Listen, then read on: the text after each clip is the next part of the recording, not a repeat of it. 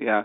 Um, this is an old uh, economic effect. Um, whenever there's a crisis, then uh, investors seek safe assets.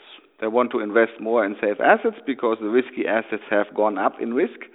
And in order to keep the risk profile of their portfolios the same, they are looking to increase their share of safe assets. And historically, uh, the U.S. has always benefited from, from these effects quite strongly.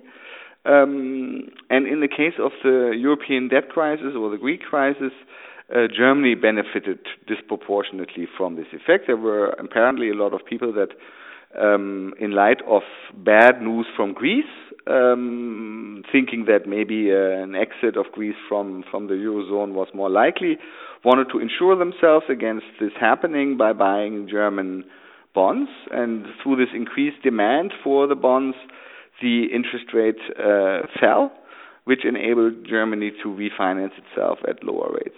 One of the points of the study, of course, is to say that in part the reason that Germany has such a balanced budget is indeed due to the European debt crisis because it reduced expenditures on interest by about 100 billion over the course of five years. That's about 3% of GDP. So um, that that just helped the German finance minister to uh, achieve this balanced uh, budget. Um, and now it's not the only factor here, but but it's it's it's part of of this this uh, success in having a balanced budget. Now. Um, Germany has a balanced budget, but of course the German debt is very large, right? I mean, this is still uh, around more than 70% of GDP, around 2 trillion euros.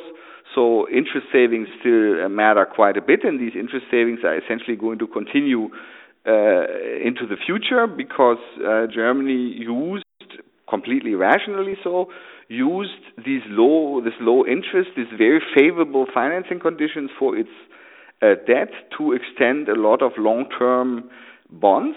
Um, so the benefit into the future uh, will still be quite great because, uh, say, you know, Germany issued a 10-year bond, then um, it will benefit essentially from these low interest rates for the next 10 years. Um, and in our estimate of 100 billion, we only included those benefits that already accrued now. So until 2015, we did not um, make any attempt to include future uh, benefits. But of course, looking forward, there will be benefits going forward in the sense that Germany issued long-term bonds at very low rates, say in 2014. And so um, each year into the future, the interest payments on those bonds will be lower than they otherwise would have been. So the benefits will accrue indeed uh, into the future as well. Well, I should admit that we, we only looked um, relatively little uh, at other countries. We did look at the Netherlands, we looked at France, Switzerland, and the US um, in terms of whether their bond yields also react to news in Greece, and they do, and they react in the same direction as Germany, Germany's bonds. So it was also the case that when there was bad news in Greece, Dutch uh, bond yields uh, fell, and the reverse, for example.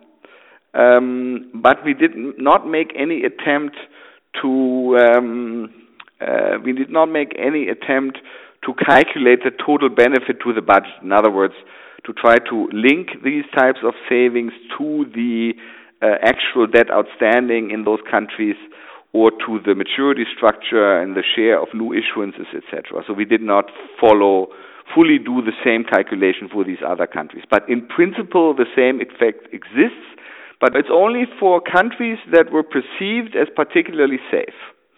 So countries like Germany, uh, like the Netherlands, um, like Switzerland, like the US, uh, that uh, would, even if the euro were to fail, would were perceived as still being in relatively good shape.